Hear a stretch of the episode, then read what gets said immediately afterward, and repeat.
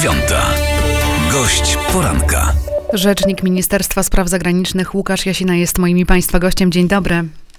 Kłaniam się panie redaktor, kłaniam się państwu. Dzień dobry. Polskie Ministerstwo Spraw Zagranicznych w, komunika- w komunikacie, przepraszam, napisało, że jesteśmy gotowi przemieścić e, nasze migi do dyspozycji rządu Stanów Zjednoczonych. Rzecznik NATO napisał, że oferta Polski budzi poważne obawy dla sojuszu. Czy to już kończy sprawę?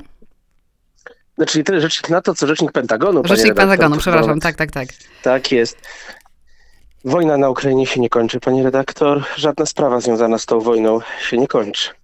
Przypominam, że jutro przyjeżdża do Polski pani wiceprezydent Kamala Harris. W poniedziałek występuje e, przed Polskim Zgromadzeniem Narodowym przez wideołącze Joe Biden. Okazji do rozmów z Amerykanami będzie bardzo dużo.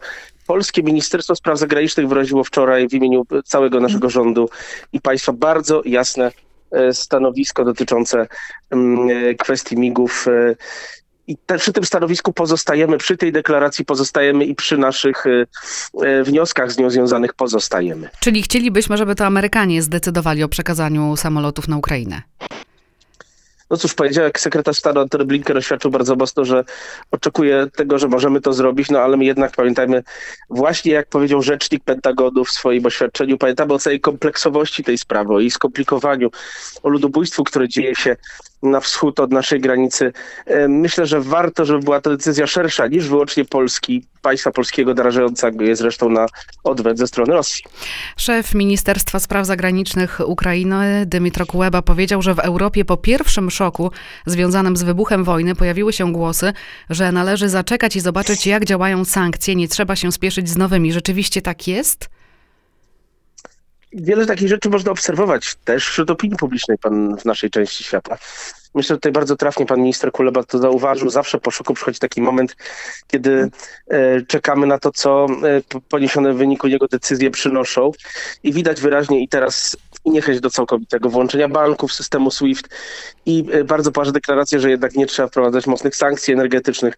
No, bardzo mocno skrytykował takie myślenie wczoraj pan premier Morawiecki. Ja tutaj się mogę tylko i wyłącznie pod szefa rządu wypowiedziami podpisać. Uważam, myślę, że takie jest też zdanie Polski, że e, nie wolno teraz przestawać robić tego, co robimy. Nie wolno patrzeć się na te sankcje, pozwalać Rosji okrzepnąć. Trzeba iść za ciosem, wzmacniać te sankcje i doprowadzić do wycofania się Rosji z tego, co robi. Ale to jest, pani redaktor, jak się pani sama domyśla, nie zda- nie jest zdanie wszystkich. No właśnie, czy obecnie wprowadzone sankcje są wystarczające? No, tego też się do końca nie da, ale widać wyraźnie e, bardzo ich mocne oddziaływanie na rosyjskie społeczeństwo. I wie pani, to nawet nie jest kwestia wystarczenia tych sankcji, to jest kwestia pokazania, po jakiej stronie świat się znajduje. Po stronie agresora, czy po stronie państwa, które jest atakowane. E, Sankcje mają także pokazać Rosjanom, że nie wolno tak postępować i że świat e, będzie wyciągał konsekwencje z ich postępowania poprzez chociażby zablokowanie dostępu dla wielu ulubionych dóbr konsumpcyjnych. Więc y, myślę, że sankcje już w tej chwili pokazują nam, że w Rosji jest gorzej i agresora trzeba w jakiś sposób tak traktować.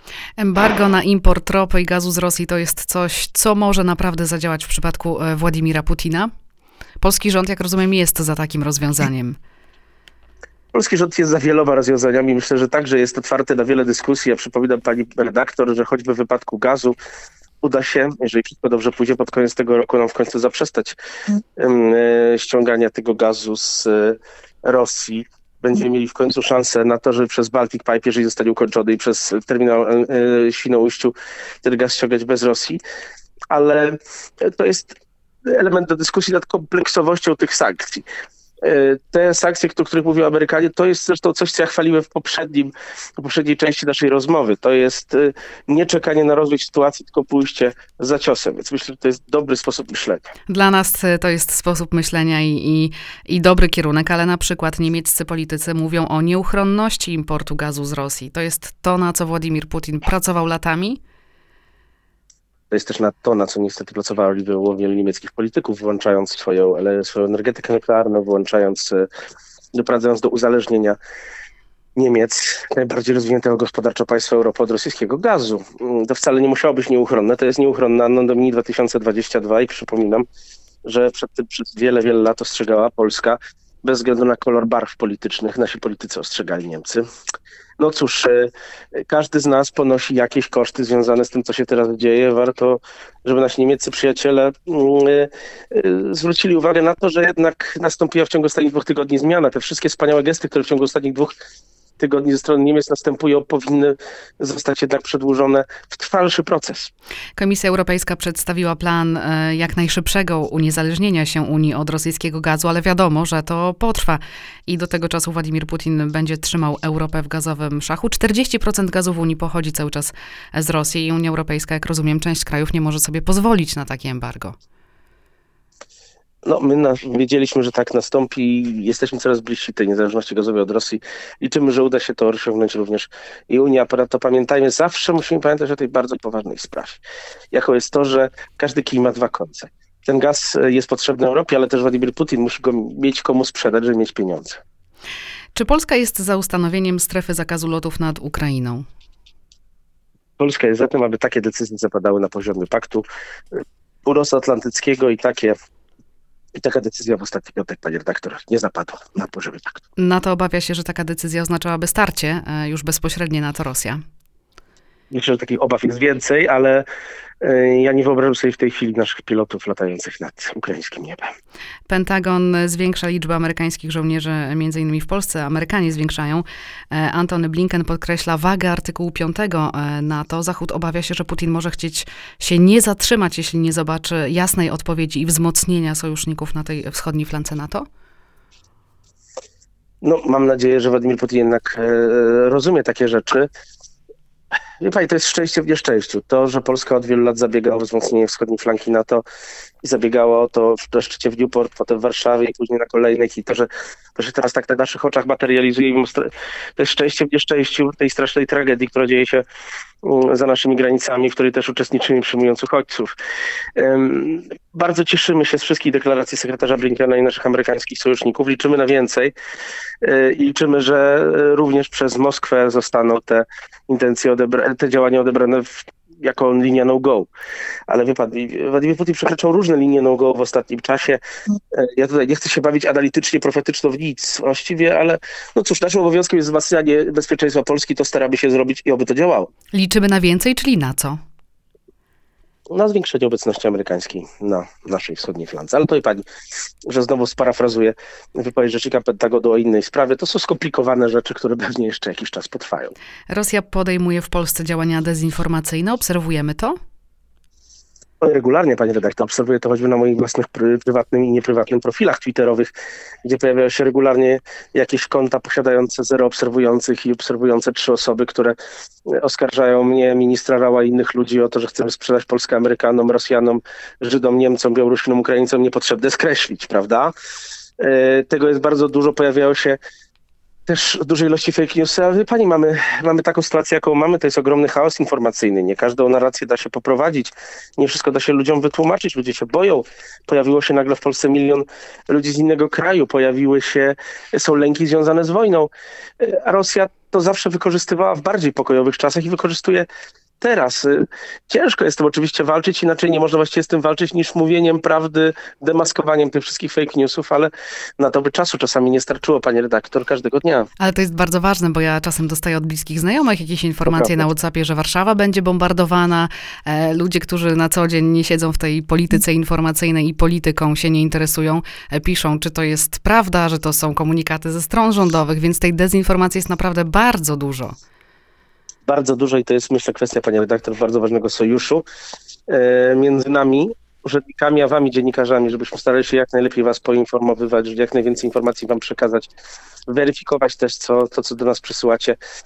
No my w MSZ zawsze staramy się tak robić, myślę, że inne instytucje rządowe także to robić mogą. A y, co do przekazania tego wszystkiego, no nie do każdego obywatela Polski dojdziemy, stąd tak ważna jest choćby rola szeptanego przekazywania komunikatów chociażby przez dziennikarzy. Szef Rady Europejskiej powiedział, że rasizm na granicy polsko-ukraińskiej to rosyjska propaganda. Czy myśli pan, że Rosja będzie próbowała też e, antagonizować Polaków i Ukraińców? Myślę, że na pewno.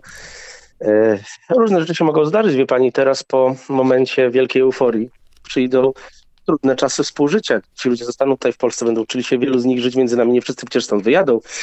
E, na pewno zdarzyć się mogą różne rzeczy, które nas podzielą. Wypadek jakiegoś przestępstwa, które może być wykorzystane propagandowo. I Rosja to rzeczywiście wykorzysta. I tym większa jest rola znowu nas wszystkich, aby to demaskować, mówić, że, że to jest jednak prowokacja, że trzeba z tym walczyć, ale nigdy nie wiemy do, o sobie niczego, póki nas się nie sprawdzi, że sparafrazuję znaną poetkę, pani redaktor. To, teoretyczne rozważania na nic się mają. Zobaczymy, czy się sprawdzimy, kiedy takie e, propagandowe fejki się pojawią. No właśnie, dojdzie też chociażby do jakiejś frustracji, stresu, e, chociażby u osób, które przyjęły u siebie uchodźców i okazuje się, że to nie jest na tydzień, tylko na dłużej. I że w pewnym momencie nie starczy nam wszystkim pieniędzy i że zmienia to nasze warunki życia. No cóż, E, wspaniałe decyzje czasami, no niestety nie są no, tak, jest, tak samo wspaniałe po dwóch, trzech tygodniach. I myślę, że to jest ważny apel, z którym się trzeba zwrócić do naszego społeczeństwa, pani redaktor. No, szykujmy się na to, że to wszystko chyba będzie trwało dłużej. Na razie już mamy dwa tygodnie wojny, pani redaktor, i wcale nie zapowiada się ona na wojnę kończącą się.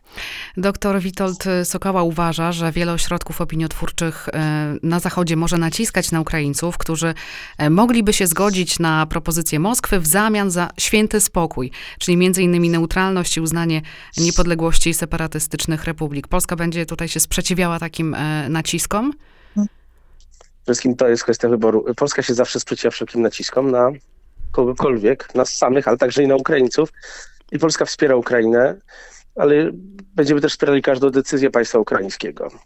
Więc e, to wszystko nam przyniesie przyszłość, panie redaktor. Jeżeli Ukraińcy podejmą takie, a nie inne decyzje, również z punktu prawa międzynarodowego niezbyt dobre, także ich będziemy wspierali, bo taka jest nasza rola jako tych braci z Zabuga, którzy Ukraińców wspierają. My liczymy jednak na to, że społeczność międzynarodowa nie będzie legitymizowała w żaden sposób e, agresji a taką legitymizacją byłoby teraz przekazanie, nie wiem, w ramach jakiegoś kompromisowego traktatu Donbasu czy Krymu Rosji, bo bądź co bądź tak naprawdę Rosja załatwiałaby sobie tylko i wyłącznie krwią ludzi ginących w Kijowie, Irpieniu, e, Chustomlu czy, czy chociażby Charkowie.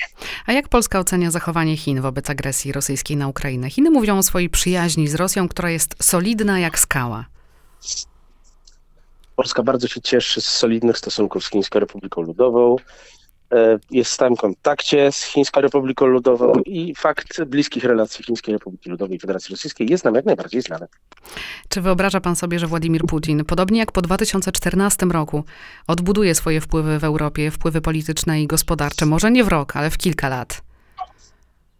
Otóż wie pani, ja nie jestem e, wizjonerem, ale różne rzeczy jestem w stanie sobie wyobrazić. Jeżeli e, społeczność międzynarodowa będzie tego chciała, to to jest możliwe.